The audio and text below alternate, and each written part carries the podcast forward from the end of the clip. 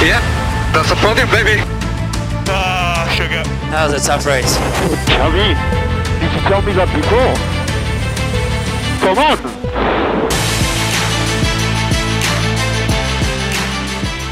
מה קורה חברים? פרק 49 של הגריד. וואי וואי וואי, 49, אתה מכניס אותי ללחץ, אוריאל. ב- תשמע, ב-49 אנחנו כבר צריכים להיות, אה, לקנות קבריולט, לא יודע מה עושים בגילאים האלה, אבל כאילו, כן. שום בצל לקראת החמישים, מה זה? כן, זהו, כבר לספור קצת את הימים וזה. טוב, אה, וואי, מי חשב שנגיע עד 49? אה, זה יפה, הישג מכובד, לא? אה, תשמע, זה זה הישג יותר גבוה משל אלפה טאורים, אה, עד- עד עונה זאת. או, לא להתחיל, לא להתחיל, לא להתחיל, חכה, חכה, חכה איתם. טוב, אז מה מה חדש מאז הפעם האחרונה שדיברנו? אה, תשמע, מהצד שלי, אין אבטיחים היום, אבל... חבר'ה, יש פה בדיחה פנימית, האורחים שמגיעים יודעים שיש פה אבטיח, גם לא בעונה. יש איכשהו יש אבטיח, גם תבואו בנובמבר יהיה אבטיח. זה חלק מה, מה אתה יודע, מה, מהיתרונות של לארח פה אנשים בפרק, כאילו. בפאנק שווי של אה, משפחת פרץ. משהו כזה, כן, תסביר את זה איך שאתה רוצה. טוב, מעבר לזה, אבל קצת מה שחדש במסלול, וזה מה... מה זה, אז אולי שוב נתחיל מהפיץ של ברד על כל הסרט הזה אייפקס, אז לא יודע, אני לא ראיתי, לא שמעתי שהם היו בספא. אני לא יודע, גשם ובוץ ודברים כאלה. המצלמות אלרגיות. אני אה, לא. הם צריכים לצלם את זה, או שפשוט כן. יוסיפו את זה אחר כך עם CGI, את כל הבוץ והגשם, וזה... מקווה שלא. את האמת, זה- מבחינתי זה תפאורה מצוינת לסרט, כאילו היה שם את כל מה שצריך בספא. לגמרי, זה מסלול שמציע הכל ומעבר, מה שנקרא. מה שכן היה, מהפעם, מאז הפעם האחרונה שדיברנו איתכם, דיברנו על הוועידה שתהיה בספא. אתה זוכר את זה? כן, ועיד- ועידת ספא, כמו הפי... איך קוראים לוועידה של כל המנהיגים בעולם? G7, אה, G7, כן. G7, זה כמו G7 רק של, ה-. בינוטואים. כן, כן, של הבינוטואים, בינוטואים מובטל, לא יפה. אה, למרות שיכול להיות שזה לא יישאר עוד הרבה זמן. אה, כן. אה, בכל אופן, דיברנו איתכם על הקטע הזה ש... שהולך להיות שם כמה נושאים, שהולכים לדבר כמה נושאים לטווח הקרוב של הסבב, לשנה הבאה, כל מיני דברים. גם העניין של השמיכות, של החימום, כל התקציבים, כל הבלגנים. בואו נעשה לכם איזה בריף קצר על הדבר הזה, מה התוצאות של הדבר הזה, מה התוצאות של הישיבה הזאת. אז בכל, בכל הנוגע לזה שרצו לבטל את שמיכות החימום לעונה הבאה, זה נדחה. זאת אומרת ששנה הבאה עדיין יהיו את השמיכות, אבל יש פה כוכבית, רק לתרכובות היבשות. זאת אומרת, רק הסופט, מדיום והארד, אינטרס וווץ, מישהו יודע מה זה ווץ? לא יודע, אין לי מושג מה זה הזמיג הזה, אבל אם תמצאו אותו, אם תמצאו אותו, את אחד משניהם, אז תדעו ששניהם לא צריכים את החימום, כי כבר עברו לתרכובות שהציגו השנה, שהן לא צריכות. אז בשנה הבאה זה ימשיך, ויבחנו את העניין הזה עוד פעם, כי הייתה התנגדות די גבוהה של הנהגים, כמו שדיברנו, ויבחנו עוד פעם האם אה, לבטל את זה או שלא. אני אוסיף עוד כוכבית, יש מצב שזה משאיר את פירלי גם בסבב זהו. זה גם קטע, ש... שאני פשוט עוד לא ראיתי אישור רשמי של זה, אבל גם בסופה שהייתה שמועה שהם זכו אה, במכרז במקום אה, ברידג'סטון, אבל אני לא יודע, שוב, זה... אני לא מסוג האנשים שלוקח שמועה כזאת, צובע אותה באיזה צבע ואומר כאילו אני המצאתי את זה. אם משהו לא רשמי, אנחנו אומרים שהוא לא רשמי, ועד שזה יהיה רשמי, אז אה, בינתיים זה כנראה פתוח, מי יספק את הצמיגים, מ-25 ואילך, נגיד ככה. כנראה שזה פירלי, אבל אתם יודעים, חכו למשהו יותר רשמי, זה הדרך שלנו לעשות דברים פה. כן. אז בנוגע לדבר הזה דיברנו.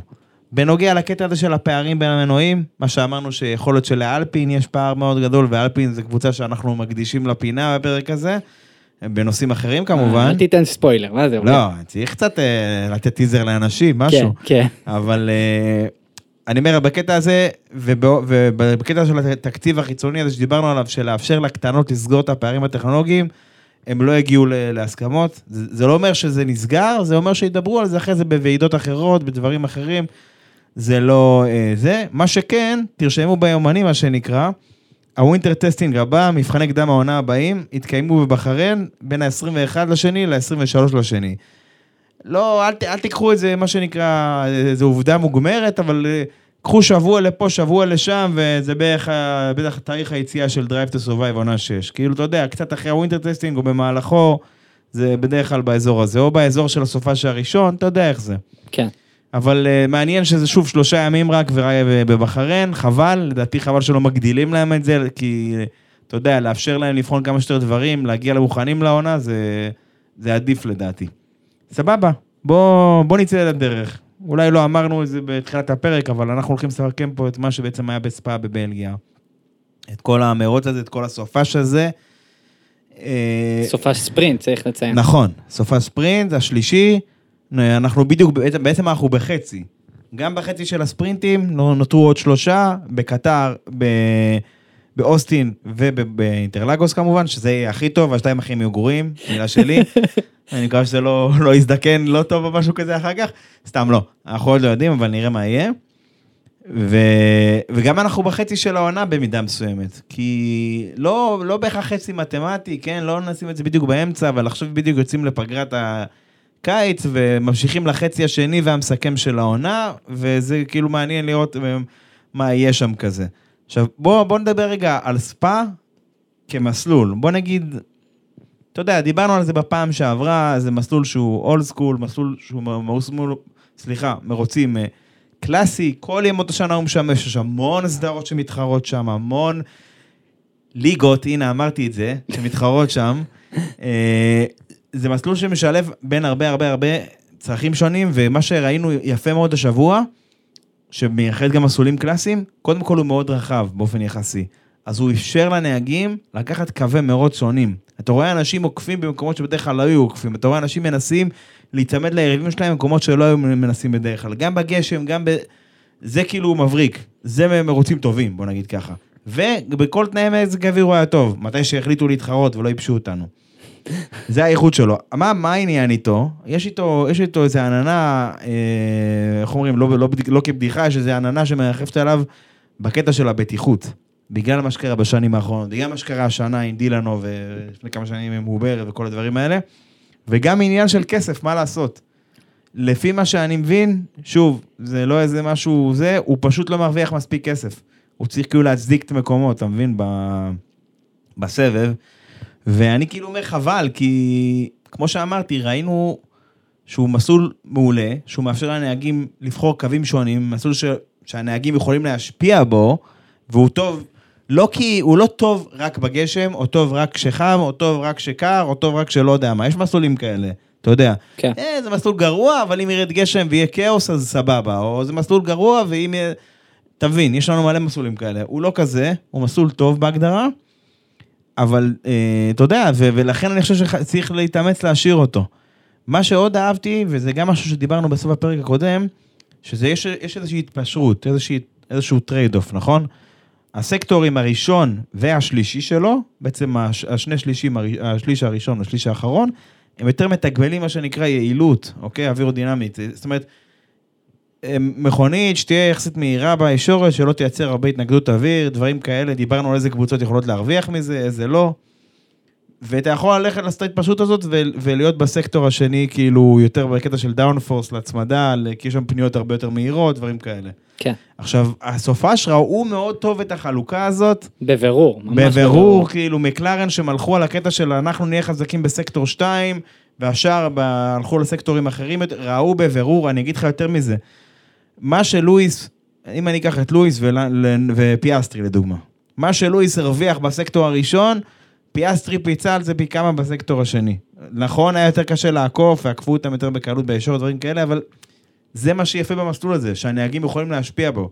שני נהגים, setup שונה לגמרי, שהוא מנוגד בדרישות שלו, אבל עדיין, מה מיוחד? זמני ההקפות שלהם לא היו רחוקים אחד מהשני. אתה מסכים? כן, פיאסטרי היה שני בספרינט. זה לא... זה עכשיו... עוד פעם, צריך להגיד שמקלרן הרוויחה בסופש רק כשהיה גשם, רק כשהיו תנאים משתנים, רק כשהמסלול היה רטוב או לח או מה שזה לא יהיה. וזה, לי זה ברור, להרבה אנשים אחרים זה לא ברור, ובשביל זה אנחנו כאן. הסיבה ש... אם לא אמרנו את זה או לא הבהרנו את זה, מקלרן הלכו על setup של הצמדה יותר גבוהה. לא גבוהה באופן כללי, זה לא הונגריה, אלא יותר גבוהה. זה אומר שהם מרוויחים בסקטור השני על חשבון השניים האחרים. למה בתנאים הגשומים הם היו יותר טובים? זה חשבון פשוט, אוקיי? בתנאים גשומים יש פחות אחיזה, מה לעשות? אה, זה, אתה יודע, אה, פשוט פחות כן. גומי, אין מה לעשות. ברור. פחות אחיזה, ואם כבר יש לך אומץ לקחת את הפניות במהירות יותר גבוהה, אז עדיף שיהיה לך יותר הצמדה. אז כאילו, גם, גם בגשם, אתה יודע, אנשים לא נוסעים בפול, כאילו, הם נוסעים בקווים יותר זהירים, מחפשים, כזה מחפשים קווים איפה שיש יותר אחיזה, פחות אחיזה, בודקים כזה את המסלול. לכן, כל פעם שהיו תנאים משתנים, כולל במרוץ, כולל במרוץ שהיה לנו איזה כמה הקפות של טפטופון כזה שלא התפתח לכדי שיטפון, אז ברגעים האלה אתה ראית שהנהגים של מקלרן, לפחות נוריס שנשאר בתמונה, וראסל למשל, כי גם במרצדס הם חילקו חצי-חצי. ראסל היה ביותר מוטה הצמדה, לואיס יותר מוטה כאילו יעילות. יעילות, כן. בקטעים האלה, נוריס וראסל שיפרו זמנים בטירוף. ואחרי שהמסלול כאילו התייבש, אז אתה ראית את את ההשפעה של זה. אני, יש לי כאן שאלה אליך. א', אני אתחיל מזה. אנחנו מדברים על זה שפרארי אוכלים, אה, אוכלים צמיגים. במקרה הזה, בספרינט הם לא היו כאלו, נקרא לזה קדימה, לעומת מה ש... לפי מה שהאמירה עכשיו שדיברנו עליה, הם היו צריכים להיות. אז איך זה בא לידי ביטוי, ויכול להיות שזה לא בעניין של אכילת צמיגים, וככה אתה מקבל יותר הצמדה ב... ב intermediates או בכלל במרוץ גשום. אני מודה שלא הבנתי את השאלה, אנחנו מדברים על הספרינט? כן. אתה שואל למה, למה פיאסטרי הקדים את לקלר? כן, אם אנחנו מדברים, אמרת שפיאסטרי בעצם, או בכלל מקלרן, מקבלים יותר, יש להם יעילות בעקבות גם היכולת שלהם אה, לחמם את הצמיגים יותר מהר, לפי מה שאני מבין. לא. באינטרס. לא היה להם יעילות, היה להם הצמדה יותר גבוהה, וכן, יש להם יותר יכולת אה, לחמם את הצמיגים, זה נכון, אוקיי. ובאותה מידה אנחנו יודעים שפרארי אוכלים צמיגים, אוקיי. אה, אבל הם, זה לא, כאילו, יכול להיות שזה יתרון שהוא בדרך כלל חיסרון, אבל כאן לא ראינו את זה כיתרון אפילו, פרארי לא היו משמע, משמעותיים יותר טובים בספרינט. לא, אני לא, לא מסכים עם זה. אני לא מסכים עם זה. אני חושב שפרארי הם הקבוצה השנייה בסדר הסופש. פשוט ברגע שהתנאים היטיבו עם מקלרן, אז ראינו אותם קצת יותר למעלה. בגלל זה, בוא נגיד, החלק, אוקיי, בוא נחלק את זה לשתיים. החלק של, של לדעת לחמם את הצמיגים מהר, זה תכונה נהדרת בכוכבית. תכונה נהדרת אם אתה גם לא אוכל צמיגים. אם אתה גם מחמם צמיגים מהר וגם אוכל צמיגים, קרי, האס, אתה בבעיה. למה? כי אתה מהיר בדירוג, ואז כשמגיע מרוץ אתה אוכל את הצמיגים שלך כמו כלום, ומחליף אה, ארבע תרכובות במה שכולם מחליפים שלוש או שתיים. זה לא טוב. כן. מקלרן כנראה יודעת לחמם את הצמיגים מהר, אבל השחיקה שלה נמוכה.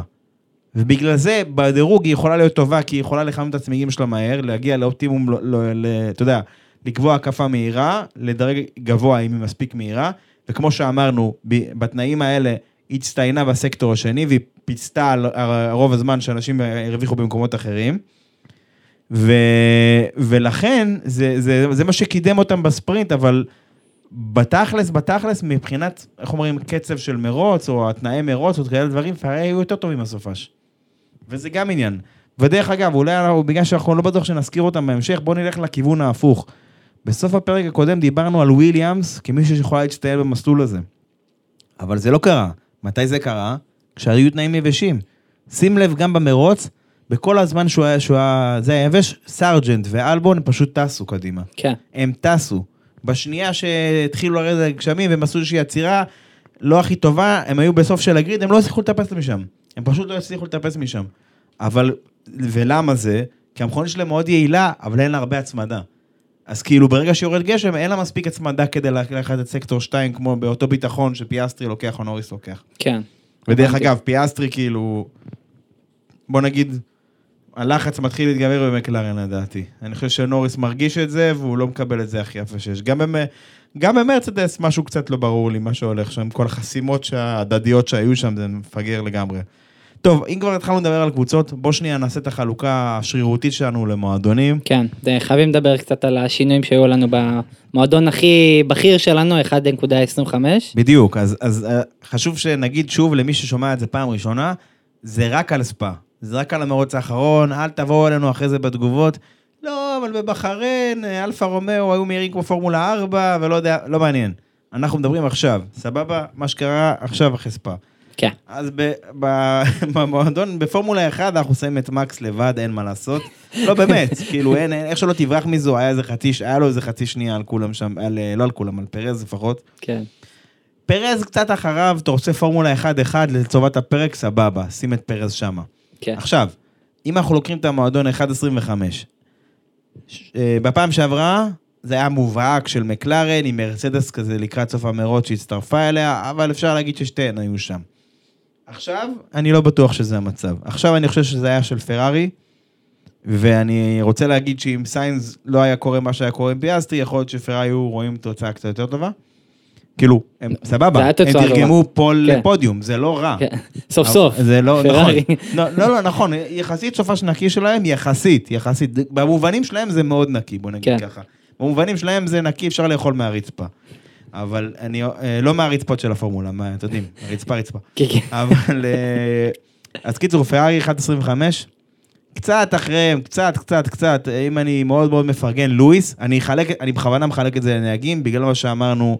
שלואיס הם הסטאפים וזה. לואיס קצת אחר לקלר שם הייתי אומר, אבל לא באמת, כאילו כזה באזור שלו.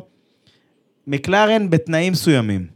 שוב, כמו שאמרנו, בגשם ככה, ביבש ככה, אנחנו לא, אנחנו לא נהיה לארג'ים איתם בקטע הזה. לכן אנחנו, כאילו, זה, ש, זה שהם שייכים ל-1.25 בדירוג, כשיורד גשם, זה לא משנה. כי אם המרוץ הוא יבש, אז זה לא חשוב. כן. אתה מבין? אז אנחנו כן נשים אותם בחוד של החוד של החוד של פורמולה 1.5, נגיד ככה, שבשאיפה ל-1.25, אבל לא 1.25. כן, כן, לגמרי, אה, לגמרי גם- מגיע להם גם את המיקום הזה של האחד וחצי, אין מה לעשות. ראינו את התוצאה של נוריס בסוף. ו- ואחריהם, עכשיו, יש פה היפוך מעניין, כי שים לב ששמתי את נוריס. עכשיו, אה, לא את נוריס, את אה, לואיס מקדימה. כי כן. נראה שהעדכון שמרצדס הביאו, יכול להיות שהוא שינה איזשהו משהו. עכשיו, מי נמצא פה יחד איתם? ראסל, שכמו אמר, הוא, שוב, הצמדה גבוהה יחסית, אז הוא עולה ויורד יחד איתם, כן. בעניין הזה. וגם, רוב הסופה של האמת הוא היה די רחוק מלואיס, שזה היה קצת אה, מביך בשבילו, אבל בסדר. ואסטון, עם אה, אלונסו, שחגג יום הולדת גם, מזל טוב, אלונסו. רק אה, 82 או משהו כזה. סתם, לא, 42, והוא אחלה, והוא מהיר כאילו כמו בן 22, ובאמת, שיישאר איתנו כמה שיותר. כן. עד שימאס. רק שייתנו לו רכב טיפה יותר אה, תחרות. לא, לא, דרך אגב, אני חושב שהם עשו איזשהו שינוי גם במכונית, אני חושב שהם הלכו מעט אחורה ממה שהם עשו מקנדה. כאילו, דיברנו על זה שבקנדה הם הגדילו את האנדרקאט, אני חושב שעכשיו הם הקטינו אותו קצת. אני חושב שהם לקחו איזה צעד אחורה רגע, לעשות חושבים, לראות איפה אנחנו עומדים, כי אנחנו בבירור, אנשים עקפו אותנו פה בטירוף. כן, זה מרגישים טיפה יותר תחרותי מ... בוא גם- נגיד כן, אבל בדירוג ודברים כאלה, אתה רואה שהם לא רק עכשיו מאיימים על הפול, אתה אתה רואה שהם רחוקים. כן. אז שוב, מה שאני רוצה שנזכור לגבי אסטון, אני אולי אני לא בטוח אם נדבר על זה בסוף, אז בוא נגיד את זה עכשיו. עד הראשון לשביעי, או עד סוף שישי, תסתכלו את זה איך שאתם רוצים, אז מתאפס בעצם זמני הפיתוח על פי הדירוג היצרנים ודברים האלה. עד אז זה מתאפס, אתה מבין? כאילו נגיד הייתי, נגיד הייתי שני, עד אז בעונה, אז, אז פתאום מהראשון לשביעי יש לי הרבה פחות זמן, כי אני שני ביצרנים, אפילו אם אני אחר כך לא. אז עד אז, אני מזכיר לך, שאסטון יצאו מהעונה שעברה, אני לא זוכר איפה הם סיימו, שישי, שביעי, לא זוכר כבר איפה הם סיימו, אבל היה להם פי שתיים יותר זמן בערך מרדבול, אם לא יותר. כן. אוקיי? הכל שאלה של מה הם עשו במסגרת הזמן הזה בח- בחצי הראשון של העונה. לא על המסלול, בעולמות של הפיתוח, בתוכנות, בדברים האלה, בסימולציות. אם הם ניצלו נכון את הזמן הזה, יכול להיות שעכשיו בחצי השני של העונה, כי אם הם עשו את זה אז, זה יגיע עכשיו בחצי השני של העונה, הם יביאו כמה דברים ענקיים. אם הם ניצלו את הזמן שלהם נכון, יכול להיות שהם פתאום יעשו קפיצה חזרה. אז אני לא הייתי ממהר להספיד אותם, גם כי אנחנו נגד הספדים פה, אבל גם כי לא ממהר להספיד אותם. אה, אבל יש לי שאלה, איך זה בעצם תומך באמירה שבדרך כלל כבר מאזור הקיץ... מעבירים פוקוס. מסתכל- כן, עושים פוקוס כבר כי, ל-24. כי, כי זה, קודם כל זה פרויקטים במקביל. זה אומר ש... הרי ספציפית אסטון מרטין היא מוגבלת בשימוש של המנהרת רוח שלה, לא בגלל התקנות, בגלל שהיא משתמשת עם מרצדס. ולכן היא לא יכולה באיזה יום שהיא רוצה, היא מוגבלת לימים מאוד מאוד ספציפיים שם. אבל בלי קשר, זה אין, אין כאילו, אין, אין כאילו ניגוד מוחלט. בוא נגיד ככה, אם הייתי צריך לנחש, נגיד דברים שעשו עכשיו בחודשים האלה עד שיתאפס, יגיעו באזור מונזה, קטר, יפן, כאלה דברים, סינגפור אולי, באזור הזה יכולים להגיע נגיד דברים שעשו עכשיו, כן. וזה לא אומר שלא עובדים על 24, עובדים על 24 בפול, בפול פאוור, השאלה מה אתה עושה. אם אתה בטוח בקונספט שלך, אם אתה בטוח ברעיון של המכונית, היא עובדת כמו שאתה חושב, ואתה חושב שאתה יודע מה, מה הפיתוח הטבעי, אז סבבה, זה קל, אתה עובד על 24 כפיתוח טבעי של 23, הכל בסדר. מהמם. אבל אם אתה לוט בערפל, כמו רוב הקבוצות האמת, פרארי, מרצדס, מקלרן אולי קצת יותר בכיוון עכשיו, אבל פרארי ומרצדס, אני חושב שהם עדיין מגששים קצת. מרצדס, אני חושב שהעדכון החדש שהם הביאו, אני חושב שהוא עובד להם. אבל בוא נחכה עם זה איזה מרוץ, אבל אני חושב שהוא עובד להם בהג- בהגדרה. פרארי זה כאילו, עקביות זה, ואנחנו לא חברים. אתה יודע, זה לא... אז כאילו, אני חושב שפרארי, אם הם לא שינו לגמרי את הקונספט לשנה הבאה, אז הם, אני חושב שזה יהיה משהו דרסטית שונה. דרסטית שונה.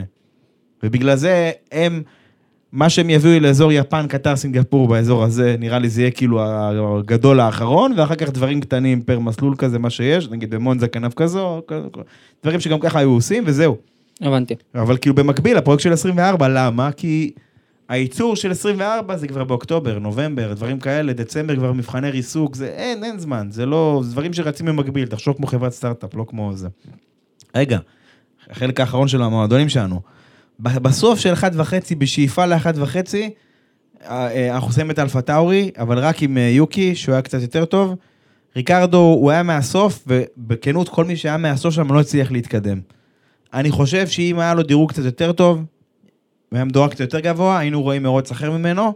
אני לא ממהר להספיד אותו, להגיד מה היה כל האייפ, איזה גרוע לך הביתה, לא. בוא נחכה למרוצים אחרים לראות מה עושה, אבל כל הכבוד ליוקי שהוא כן הוציא את המקסימום מהמכונית בקטע הזה. כן, ו- וסיים בניקוד כמובן. נכון, בעשירי וזה. אה, 1.75 כזה, זה כאילו אנשים ש... אה, וויליאמס, וויליאמס הייתי מכניס אותם ל-1.5, אבל אמרנו, זה עניין של תנאים, בגלל הגשם הזה אנחנו לא עושים הנחות.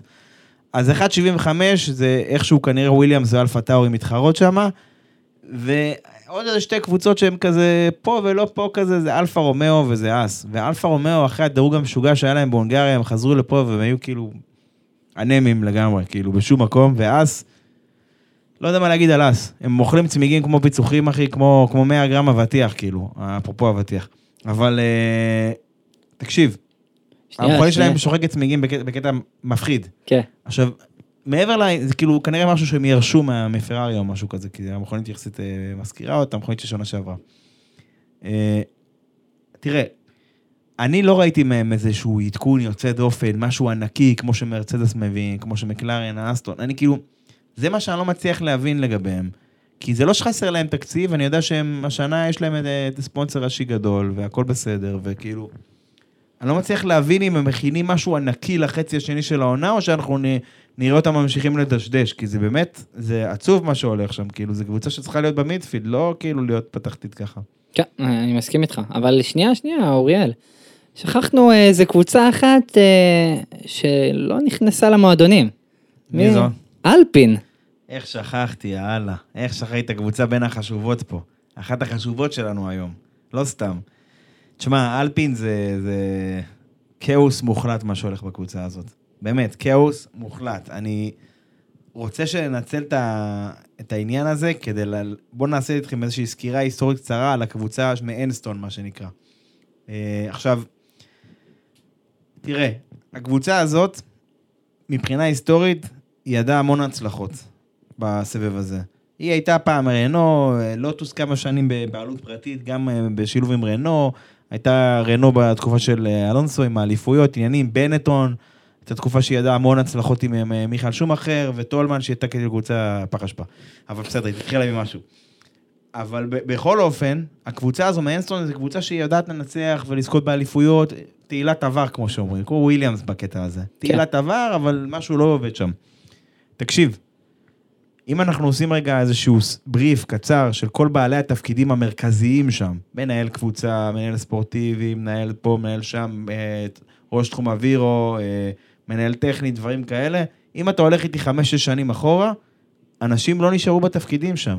כמעט וזה, ולא, וכמעט וזה לא אותם אנשים, סיריל אביטבול הלך הביתה, בוב בל הלך הביתה, מי שאתה רוצה, אני יכול לעשות פה רשימה, חבל, חבל על הזמן של הפרק, אנחנו לא, לא נסיים אם אני אתחיל עם הרשימה הזאת. ותבין, כאילו, היה שם הרבה חילופים, וכאילו אם אני צריך להתחיל לדבר על הקבוצה הזו מבחינה היסטורית, אני רוצה ללכת איתך ל-2012. 2012-2013 היא עדיין נקראת לוטוס. אה, כבר רנו לדעתי כבר לא, ב, לא בעסק, כאילו מנועים של רנו הכל בסדר, אבל רנו כיצרן לא בעסק. אה, כן קבוצה טובה, עם ג'יימס אליסון דרך אגב של מרצדס, שהיום מרצדס אה, היו קבוצה קטנה שעשתה הרבה עם קימי רייקון בזמנו. 2014 לא היו טובים בתקנות החדשות, עם מנוע של, אה, אחר כך מביאים עם מנוע של מרצדס, לא היו כאלה טובים חוץ מפודיום פעם בהפתעה פה ושם, לא איזה משהו יוצא דופן. 2016 רנו חוזרת כיצרן, עם מכונית, אה, חוזרת ליצרן בשנייה האחרונה. הם היו על סף פשיטת רגל, קנו אותם בגרוש וחצי, אוקיי? חוזרת ל grid ב-2016 בשנייה האחרונה עם מכונית שהותאמה למנוע של מרצדס. הם היו צריכים לעשות איזשהו משהו פרנקינשטייני כזה, ולהתאים לו את המנוע של רנו. הם ידעו ש-2016 זה לפח, וואו, סבבה? כן. קווין מגנוסן, ג'ו, אה, ג'וליון פאלמר שהיום הוא פרשן, זה היה הסגל שלהם, החזירו את קווין מגנוסן מהמתים, אחרי שמקלרן פיטרו אותו במייל ביום ההולדת שלו, סיפור ליום אחר. בקיצור, החזירו את הצמד הנהגים האלה עם המכונית הצהובה הבננה הזאתי, הם יודעים שזה עונה פח. למה המכונית לא שלא מפותחת כי לא היה כסף? דחפו למנוע שלא התאים לה, שלא התאים לשלדה שלה, זו הכוונה. ודרך אגב, זה אחרי זה שינה את התקנות כדי שיהיו פינים סטנדרטיים, שיהיה יותר קל לעבור בין המנועים, אבל באופן כללי, הבנת את הראש. מנוע שלא התאים, מכונית שלא מפותחת, עונה לפח. שרפו ככה עונה שלמה, ואפילו היה לה מנהל קבוצה, ככה שאתה מכיר, פר, אה, פרד וסר היה מנהל הקבוצה שם. הוא לא הסתדר עם הביטבול שהיה בתפקיד בכיר אחר, אז שחררו אותו משם, הוא הלך משם. אבל, בקיצור, שרפו שנה לפח. 2017, שינוי תקנות עצום. הזדמנות שלכם לפתח משהו מאפס, לעשות משהו נורמלי, היו פה ושם. 18 חזקים, בקושי הצליחו לעקוף את האס לרביעי ביצרנים. את האס, קבוצה קטנה, כן? שדיברנו עליה הרגע, שיש שם איזה ארבע אנשים וכבש, כאילו, כל הקבוצה. כן. עוד פעם, 19, ריקרדו מצטרף.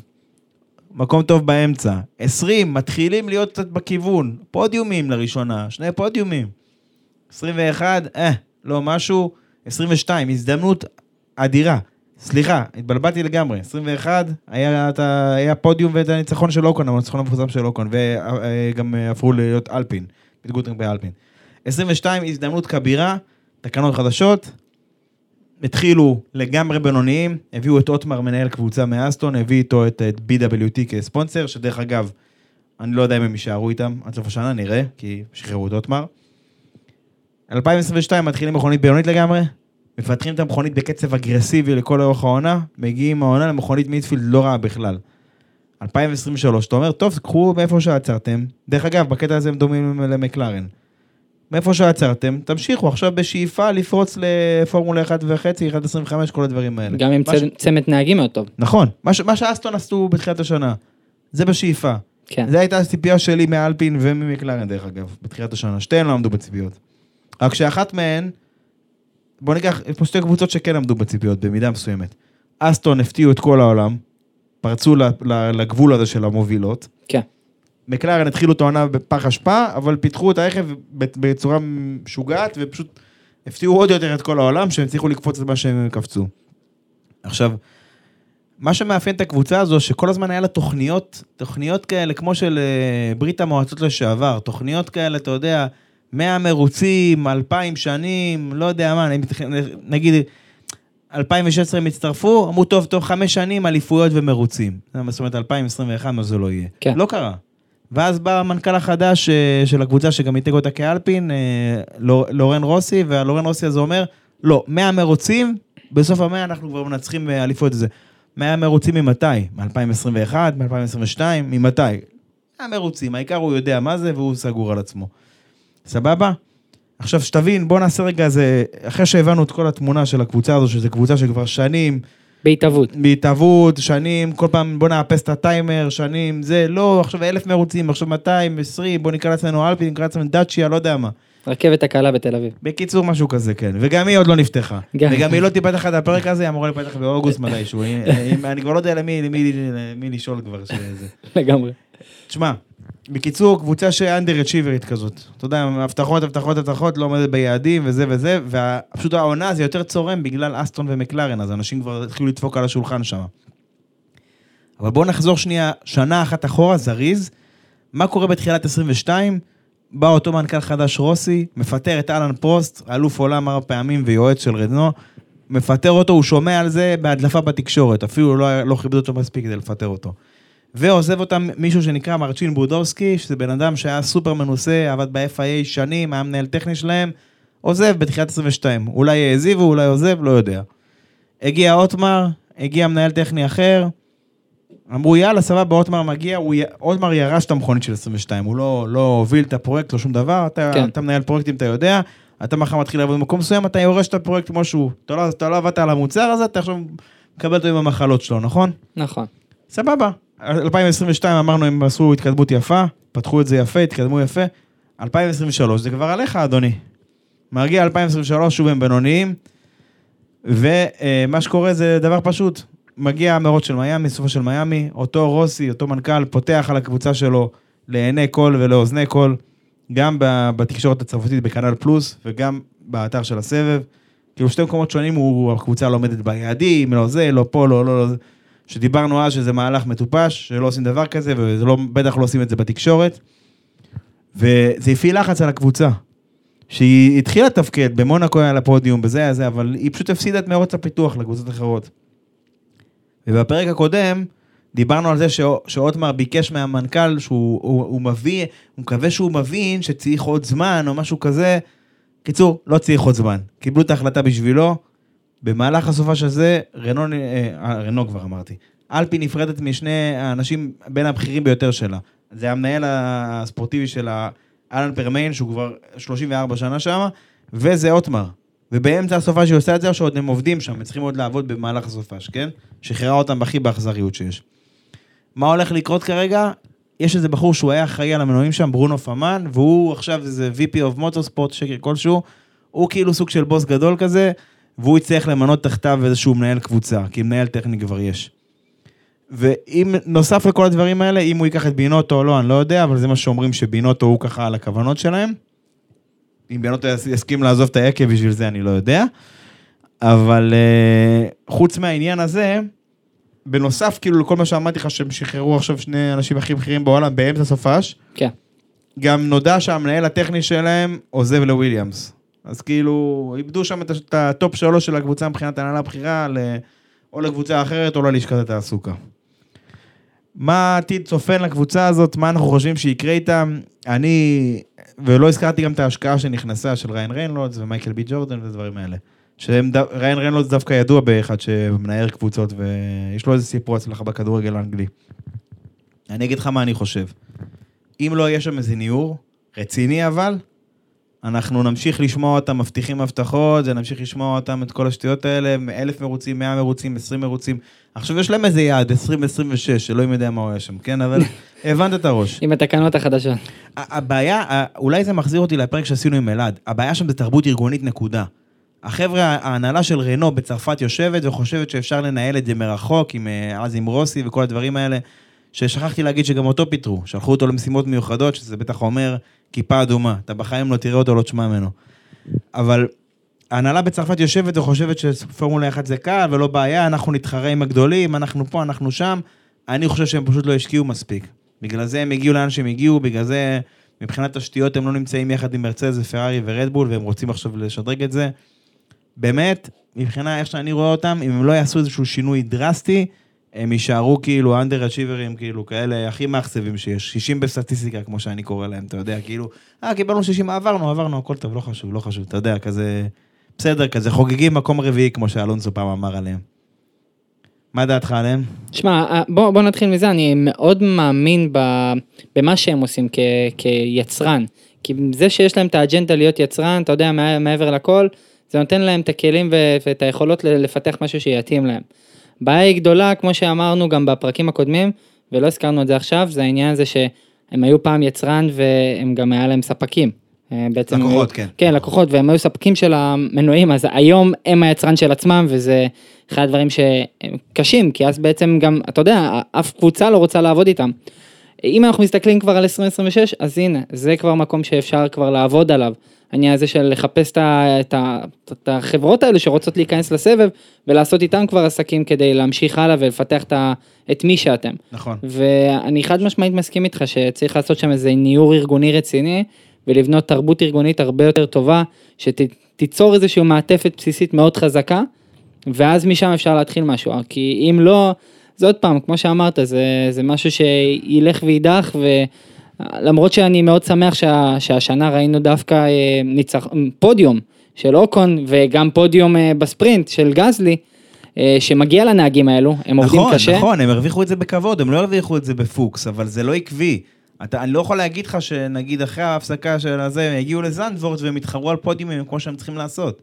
אתה יודע שזה העניין, שאם זה יתאים למכונית שלהם ולא, ויש להם חומות שהם צריכים לצלוח בדרך. החומות האלה זה אסטון, זה, זה מרצדס, זה מקלרן וזה פרארי. שהם לא פראיירים בכלל. בכלל לא. אתה רואה, ב- בסופה של טוב עכשיו של פרארי, הם היו התחרות הכי קרובה של רדבול, של מקס, סליחה, אבל הכי קרובה. וגם זה, זה חצי שנייה או ארבע עשיריות, שש עשיריות, לא יודע מה, כאילו, זה פערים ענקיים. כן. יחסית. שמע, עוד פעם, אני חושב ש... ובזה נסכם, אני חושב שלא סתם אה, אלונסו עזב אותם, לא סתם פיאסטרי ברח משם, כנראה שמשהו קורה שם. עזוב, אלונסו, אני חושב שרוסי הראה לו את הדלת בזה שהוא אמר לו, בוא, ניתן לך חוזה לשנה אחת, אחרי זה אתה רוצה, תנהג בלה מאן, תנהג בזה, כאילו זה להראות לבן אדם את הדלת.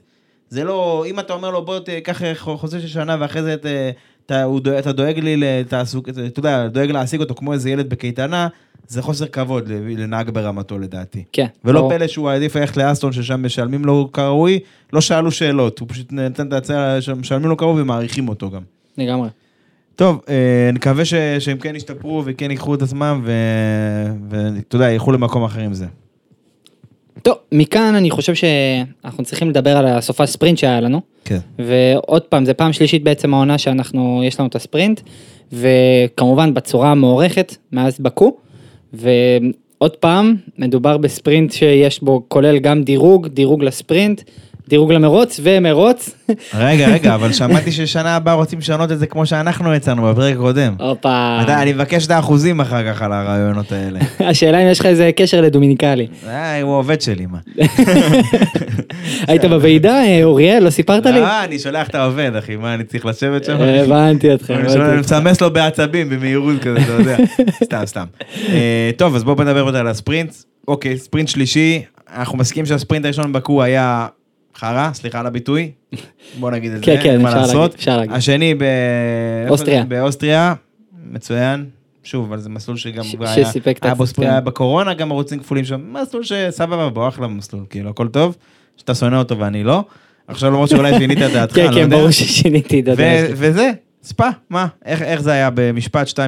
מעולה, כן? מעולה ויותר מדי מפתיע, אני חייב להגיד. לא יודע, אני לא, לא, לא, לא, מעולה, זה, זה, זה גבוה מדי בשבילי, זה 95 כזה, אני, תן לי להישאר ב-80-70. לא כמו אלפין, אבל אני כאילו, יש לי כמה דברים שמציקים לי, אתה מבין? כאילו, הספרינט שלעצמו היה טוב, עד שיצאנו לדרך. זה- אבל שים בדיוק, לב, תגיד עד עד. שיצאנו כן, לדרך. כן. כי, כי אוקיי, אני לא אבקר אותם, כי אנחנו יודעים שהם עובדים על הקטע הזה של המגני בוץ האלה, שמקטינים את הנטס, את הספרי, את הרסס, כל הדברים האלה, סבבה, עובדים על זה, מפתחים את זה, כן. אין בעיה. אבל, אבל אה, חבר'ה, אה, מה קורה עם הווט? בשביל מה יש צמיגי ווט? זה צמיגים שיש להם יכולת אדירה, למה אנחנו לא משתמשים בהם? כאילו, מה הסיפור? עוד פעם, הם יודעים הכי טוב, סבבה, אבל אני חושב שבגלל שאנחנו מדברים פה על ספא, ובגלל ההיסטוריה הבטיחותית וכל האסונות שהיו לנו בשנים האחרונות שם, הם מפחדים. הם פשוט מפחדים, אין מילה אחרת לזה. כי אם אתה מחכה עכשיו עד, סבבה, חבר'ה, יורד גשם, ובספא ירד שם גשם שיכל למלא את הכנרת פעמיים, כאילו, באמת. יורד גשם, לא קורה כלום. כן. פעם היו מתחרים בתנאים כאלה, זה מדהים, זה מדהים, אנחנו מחכים לגשם כמעריצי פורמולה, מחכים. אה, פתאום המכוניות אה, אלרגיות, מה אתה? כן, כאילו, עוד פעם, לחכות עכשיו עד, ש... עד שזה, ואז לא להוביל אותם ארבע הקפות. עם ה safety car, ובינתיים עד שכבר הם מובילים, אז כבר, המכונות כבר מפנות בעצמן. וזה עוד אחרי שהיו מכונות שפינו את המים מהמסלול קצת, כן? לפני כן. אני אומר, אתה יודע, כבר, עד שהם מסיימים כבר, כבר צריך inters. אז הם לא רוצים שאנשים ייכנסו כולם בפי- ל pit בבת אחת, אז הם עושים את זה rolling start עם ה safety car, אבל זה כאילו, חבר'ה, זה כל הכיף, נו באמת. ואז אתה שואל למה צופים, אה, למה צריך להכניס יותר כסף למסלול הזה? נו, תגיד לי. ברור, אבל כאילו, אני אומר, עוד פעם, אם, אם אנחנו לא, סליחה שאני עושה עכשיו כשחור לבן וכאלה, אבל אם אנחנו לא יכולים להתחרות בגשם, אל תתחרו. תגידו, "ני- בוטל יום ספורט, תבואו מחר. לא יודע מה תעשו, אבל כאילו, נו, באמת, אי אפשר לייבש את המסלול עד שהוא כבר inters, ואז לקחת inters, ואז ה inters מתייבשים מהר מדי, וכבר אנשים מהמרים על slicks. אני מבין שאתם רציתם את הדבר הזה, מרוץ בתנאים מעורבים, אבל אל, אל תכפו את זה. תנו לזה לקרות לבד. תנו לאנשים להחליק, תנו לאנשים לאבד שליטה ב- בווט. ואני לא מדבר על זה שאם היה יורד גשם בזמן שמייבשים את המסלול, הם לא היו, הם לא היו מתחילים. לא היה מתחילים. עכשיו, שוב, חשבון פשוט עוד פעם, אנחנו מדברים על מרוץ 15 פלוס 1, אוקיי? 15 הקפות פלוס הקפת חימום, סבבה? בפועל קיבלנו אולי איזה 8, 9, לא יודע, 9 אני לארג', סבבה? 8 הקפות אה, זה, עם כל האירוע שאלונסו נכנס שם בקיר, ביום הולדת וכל השטויות האלה. עוד פעם, זה לא הרבה. גם 15 רכבות זה לא הרבה, זה ספרינט, זה לא מרוץ מלא. כאילו, אולי די כבר עם הניהול המרוץ הפחדני הזה, אני מבין, אני מבין את החשש. כאילו, אם מישהו ויגיד לי, מה, אתה לא מבין, יש ראות מוגבלת, הם לא רואים כלום, הם לא זה, הם לא זה. חבר'ה, איך הסתדרו פעם? בתנאים לא תנאים אנשים יתחרו. כאילו, אני אומר, תנו לאנשים קצת להחליק בגשם, תנו להם לפחד, תנו לנהגים להעז, תנו להם לנסות. אנחנו רוצים לראות תחרות, אנחנו פה בשביל לראות תחרות. לא, לא טור ולא זה. אנשים ישבו שם בקהל, נרטבו שם עד לשת עצמותיהם, אחי, קיבלו שם גשם בערימות היסטריות, זה מה שהם צריכים לשבת, לשבת לראות את התערוכה הזאת, כאילו איזה, איזה מצעד צבאי או משהו כזה, בחייאת רבאק. אם אפשר להתחרות בגשם, ויש צמיגי ווט שפיתחתם בעשרות מיליונים, עם CFD מטורף, שיש להם יכולת לפנות איזה ש... כמעט 90 ליטר ב-300 קמ"ש, אם מישהו יגיע ל-300 קמ"ש בתנאים האלה, גבר, כן? אבל עדיין.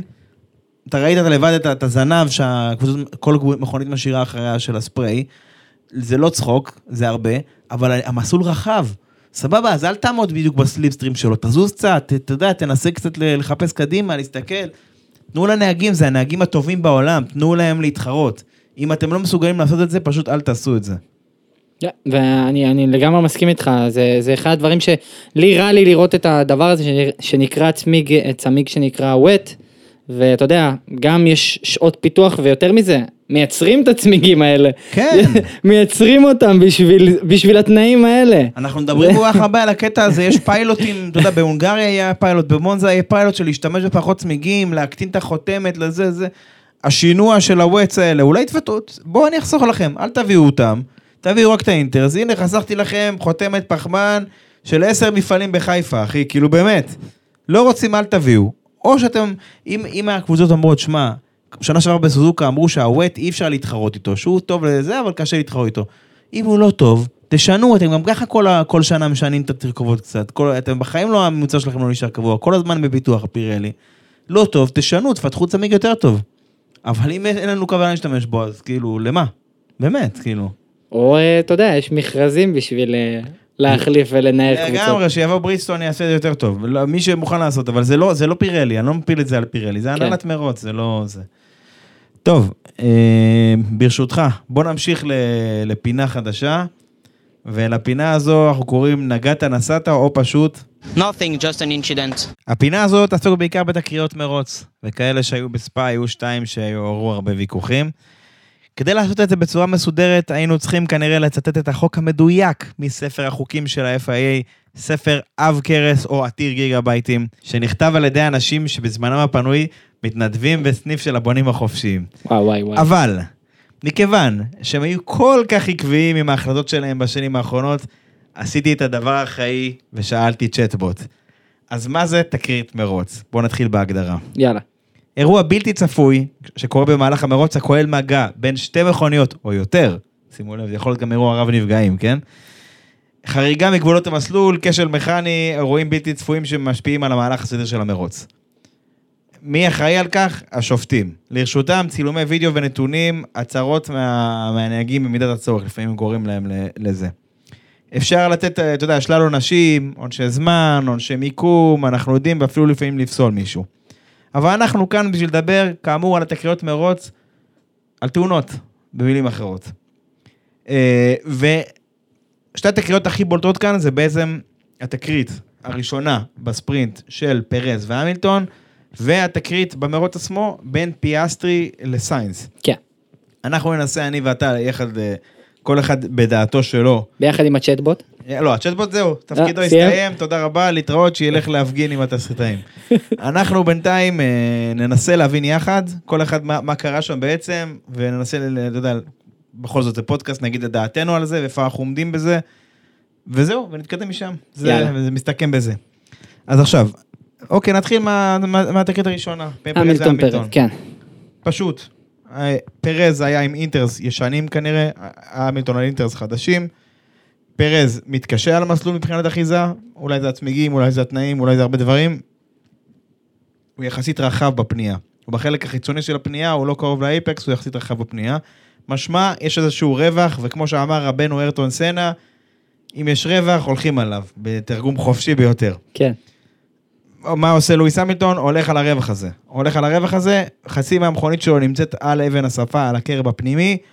אה, שבמרוץ בתנאים משתנים שהיה גשום, המשמעות היא פשוטה, אתה מסתכן פה באיבוד אחיזה, ראינו את זה גם במרוץ ביום ראשון, שמקס אה, באו רוז'- ברדיון שם איבד אחיזה וכמעט עף לתוך הקיר.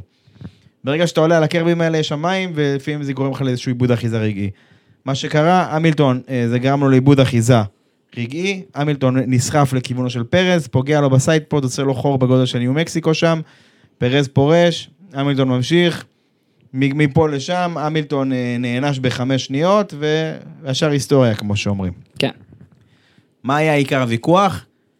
צד אחד של האנשים אה, שחושבים שזה תקרית מרוץ, פשוטה, גמורה, יש אנשים שאומרים לא, נגרם נזק, אז מגיע לו להיענש. וזו או- הסוגיה... או שזה מדובר בח- במשהו שנגרם בכוונה. נכון. עכשיו, אתה יודע מה? טוב שהעלית את זה. עכשיו, בוא ננסה אני ואתה להבין את זה יחד. כל- קודם כל אני אשאל אותך איפה אתה עומד במחנה הזה, אחרי זה אני אגיד מה דעתי, וננסה לתקוף את הסוגיות שלדעתי הכי בוערות. כן. אז מה דעתך על התקרית הזאת? אם אני מתחיל בעצם בדעה שלי, אני חייב להגיד בזה שהמילטון אה, ידוע בתור נהג שהוא נלחם על כל מה שאפשר. במיוחד עם הרכב הנוכחי, שהוא לא נותן לו את המרב, הוא מנסה לעשות הכל עם מה שיש לו. ולכן, וגם ראינו את זה בעבר, אה, התקרית אה, בסילברסטון. אה, אז לכן אני חושב שהמילטון בסוף ניסה להילחם בסך הכל, והוא לקח כל מה שיש לו, בעצם כל מה שהנהג השני פינה לו. כתוצאה מזה, הוא הגיע לעמדה לא הכי נוחה, שגרמה לו גם למצב שהוא איבד אה, אחיזה. עד לכאן, אני חושב שלגיטימי לחלוטין, יש כאן מלוא, בעצם ה- ה- הצדקה לשניהם להילחם. סבבה, מקבל. ובואו נמשיך מפה, אין מה לעשות, אם שניכם נלחמתם וכל אחד דחף את השני, ואם קרו תקריות, אז זה לא אמור להיות, לא אמור להיות עונש בכלל, כי שניהם נלחמו על המיקום השני, הזה. שניהם אה, הלכו בעצם על מהלך, אם, אם זה פרס הגנתי, ואם זה המילטון אה, התקפי. ואנחנו יודעים שסתם דוגמה, FIA מאוד אה, ידוע, שאם יש תקריות ב, אה, בעצם או בהקפה ראשונה או בפנייה מספר 1, הוא יותר סלחן. בוא נגיד במק- בהקפה הראשונה יותר, הוא יותר סלחן, נכון. כן, אז במקרה הזה אני חושב שבאותה מידה, כמו שהם אה, לוקחים את הקפה ראשונה, פנייה ראשונה, במקום שזה היה כתוצאה מאירוע ספורטיבי, יש כאן הצדקה חד משמעית, בגלל ששניהם הלכו בעצם על מהלך שהוא ספורטיבי, אם זה הגנתי, אם זה התקפתי, להצדיק גם את האירוע הזה במקום הזה. סבבה, אני מקבל את דעתך. אני גם אמרתי בזמן אמת, לא בזמן אמת שידור, אלא אחרי שהעלינו את הסיכומים לקבוצה וכל הדברים האלה, שאני חושב גם שהם החמירו עם המילטון, אני חושב שזה צריך להיות תקרית מרוץ. עכשיו, קמו הרבה אנשים ואמרו אמרו, אמרו הרבה דברים, לדעתי לא נכונים, וזה בסדר. עכשיו אנחנו פתוחים לכל הדעות. כן, אבל הוא גרם לו נזק. אוקיי, ואם לא היה קורה נזק, אם נגיד, וזה לא כזה, עם כל הכבוד זה לא מונפץ, אם הם היו מקבילים כמו שהם היו, והמילטון מאבד אחיזה שנייה יותר מאוחר, הצמיגים שלהם פוגעים אחד בשני, משתפשפים, אבל הם, הם טיפה מוציאים את אחד מהשני מאיזון, אבל הם ממשיכים באותו דרך שלהם, זאת אומרת לא נגרם איזשהו נזק משמעותי. כן. האם הייתם מגיבים באותה צורה? הייתם קוראים לעונש להמילטון כי הוא גרם את זה, או מה שזה לא יהיה? או לא, כנראה שרוב האנשים אומרים, מה, תנו להם לא. להתחרות, נכון? נכון. לכן אני רוצה לגעת בעניין הזה, כי זה חשוב לי, על סוגיית הנזק, ואני אגיד לך גם למה. יאללה. כי קל מאוד לאנשים, מישהו אפילו אמר לי, לא, המילטון צריך לדעת, הוא צריך לחשב, הוא צריך להבין שזה, שזה סיכון, שאם הוא נכנס, אז שידע למה הוא נכנס, והוא צריך... חבר'ה, זה לא שיעור פיזיקה, וזה לא, לא יודע מה, הוא לא צריך לחשב את ה trajectory של האוטו שלו, בדיוק איפה הוא יהיה, איפה הוא זה. הם נהגי מרוצים, הם פועלים באינסטינקט, אם יש איזשהו אה, פער, הם צריכים ללכת, הם חייבים ללכת עליו, הם לא צריכים, אחרת אין, אין, אין, להם, אין להם הצדקה, אין להם אה, מבחינתי זכות קיום, אוקיי? כנהג, חד אנחנו משמעית. כאן, אנחנו רוצים לראות אותם מתחרים. אנחנו כן. דיברנו על זה בעונה שעברה, בכל הפיאסקו המשפטי שהיה, שענישה צריכה להרתיע את העבריין. היא צריכה להרתיע אותו מלבצע את העבירה. כן. אם אתה נותן ענישה על דבר כזה, אז אתה יודע, אז מה זה יגרום? זה ירתיע נהגים אחרים מלבצע מהלכים כאלה. נכון. אולי לא היום, אבל בטווח הארוך אם הם יראו עקביות בעניין הזה, שזה לא משהו שראינו מהשופטים, אבל מה לעשות, אה, זה פשוט ירתיע אותם. אז בן אדם יגיד, אה, אה, יבוא מישהו שיגיד, מה אתה רוצה? למה הוא לוקח סיכונים מיותרים? שיחכה, ל, ל- אתה יודע, שיחכה לישורת, יחכה ל-DRS, אם הוא רואה שפרס מתקשה, אולי לא היה DRS ספציפית בעניין הזה, אבל שיחכה לישורת או למצב יותר נוח, ויעקוף אותו שם, מה שנקרא שזה... אל תגיד- אל תגיד את זה, אוקיי. עכשיו, אתה יודע, הדבר הנכון והסביר לעשות זה לחכות לישורת. אבל חבר'ה, זה לא פרק של ארתור פה, אין פה מוסר השכל, אין פה הדבר הנכון לעשות. אנחנו רוצים לראות אותם נלחמים, אוקיי? אנחנו... ענישה חמורה כזו, היא מונעת יוזמות כאלה. כן. והשופטים, דרך אגב, הם הכירו בזה שפרז לא השאיר מספיק מקום.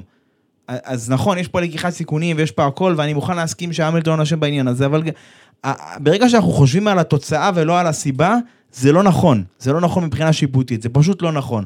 אנחנו צריכים לחשוב, כמו שאמרת בהתחלה, האם הייתה כוונה לבצע פה איזושהי עבירה, והאם... ומה מה, מה, מי גרם לעבירה ומי יכל, מי יכל לעשות יותר כדי להימנע ממנה. כן. הרי אם פרז היה שומר יותר מרחק שמאלה, זה לא היה קורה. נכון. באותה מידה, דרך אגב, אם המילטון לא היה לוקח יותר מדי ימינה על הקרב, זה גם לא היה קורה, אבל אנחנו צריכים לחשוב במונחים כאלה. אנחנו צריכים לחשוב במונחים שהם מתחרים במקביל, והם מתחרים על מיקום, וזה לגיטימי לנסות להיכנס לפערים שאנחנו לא בטוחים שיש שם, ולפעמים, שיוצאים לעקיפות, אתה יודע, זה מקארטינג, אבל אנחנו יודעים את זה גם בחיים האמיתיים.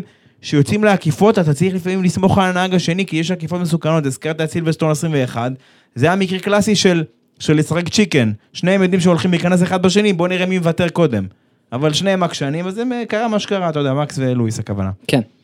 שמע, בכדורגל, בVAR, קל מאוד להוכיח כאילו כוונה על, על כל מיני עבירות שהיו או לא היו, או אוף סיידים שהיו או לא היו, כי אתה רואה את התנועות של האנשים. אבל פה, איך אומרים, עבר אצלנו כבר שנים. זה הכלי שהיה, הכלים שהיו לשופטים זמינים כל הזמן, ולא בהכרח אפשר להראות כוונה. הם אומרים, במשפט הפלילי אומרים אמצעי וכוונה, נכון? שרוצים להוכיח שמישהו הרג מישהו או משהו כזה? אני אומר, האמצעי זה המכונית, סבבה, אבל לא בהכרח אפשר להוכיח כוונה. וכמו שאמרנו במקרה הספציפי הזה, שניהם נלחמו על מיקום, אחד רצה להרוויח מיקום, השני ניסה להגן עליו. כן. הכוונה של שניהם לגיטימית. המילטון לא עשה את זה בקטע של אני הולך עכשיו לפרק לו את ה sidepod ו... ושיסיים, לא יודע מה, 900 מציתי שיפרוש ואני, אפילו עם העונש מיקום שלי, אני, העונש זמן שלי, אני קפצתי על זה, הוא לא עשה את זה ככה. אם כבר הוא היה עדיף ללכת על אה, מקס, אה, אם הוא יש לו כוונה כזאת. זה, זה כבר, זה כבר קונספירציות, אנחנו נכנסים לעולמות של הקונספירציות. לגמרי. אז המסר שלנו זה חבר'ה, אה, ענישה לא צריכה להיות על התוצאה, היא צריכה להיות על, על נסיבות, על הסיבה. לא על נזק, לא על זה, כי אנשים אומרים, מה, אבל הוא פרש מהמרוץ, אבל זה, מה זה קשור? אני אני אקח שנייה את התקרית של פיאסטרי ו... וסיינס. חבר'ה, תאונת שרשרת, שמעתם פעם את הדבר הזה? אז סבבה, לא תאונת שרשרת, אבל אירוע שמוביל לאירוע. כן. לקלר מזנק מה pole, פרז מזנק מיד אחריו, פרז נחמה, חותך, אה, מנסה לחתוך כדי לסגור את לקלר, הוא מבין שזה מאוחר מדי, הוא לא מצליח. המילטון קולט את הדבר הזה, נחסם על ידי פרז במידה מסוימת, חותך לכיוון השני. סיינס שעוקב, אה, שנמצא מיד על המילטון, חותך לצד השני לגמרי, למה? כי כדי לא להיכנס בהמילטון. כן.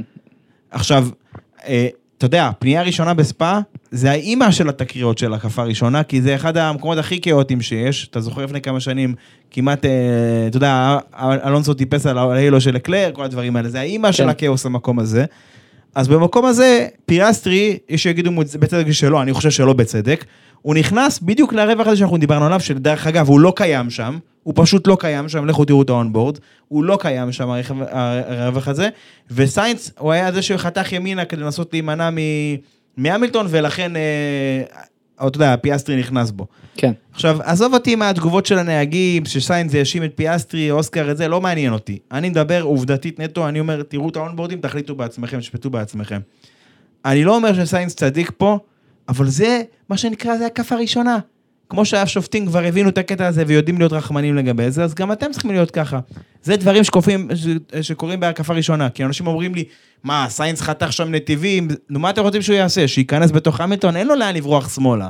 שמאלה זה, אם הוא, אם בורח שמאלה, אה, הוא, הוא פשוט יוצא מהפנייה. הוא יוצא מהפנייה, כי זו פנייה ראשונה, היא פנייה חדה ימינה, הוא יוצא מהפנייה, מאבד את המיקום, יוצא משם 17, יוצא אחרי ריקרדו. כן. הוא, לא, הוא, לא, הוא לא יוצא מזה טוב. ואני בעד שהם ייקחו החלטות של רגע, אני בעד שהם ייקחו החלטות של... שזה חלק מהכיף, זה חלק מהיכולת של הנהגים האלה לתפקד בתנאים, בתנאים האלו.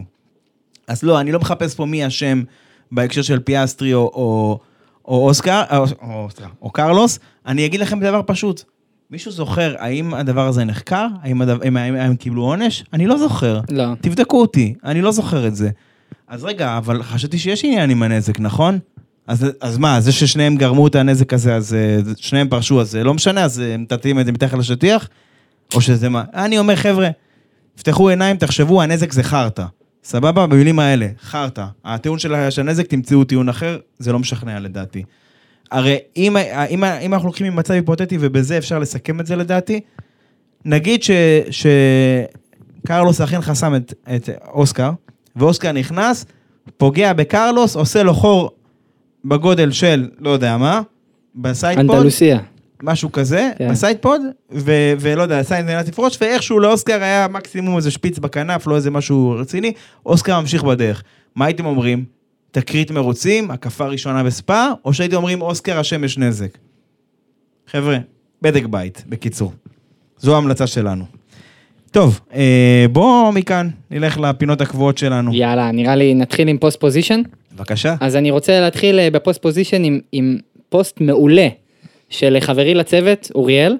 צוות, כן. אנחנו שני אנשים.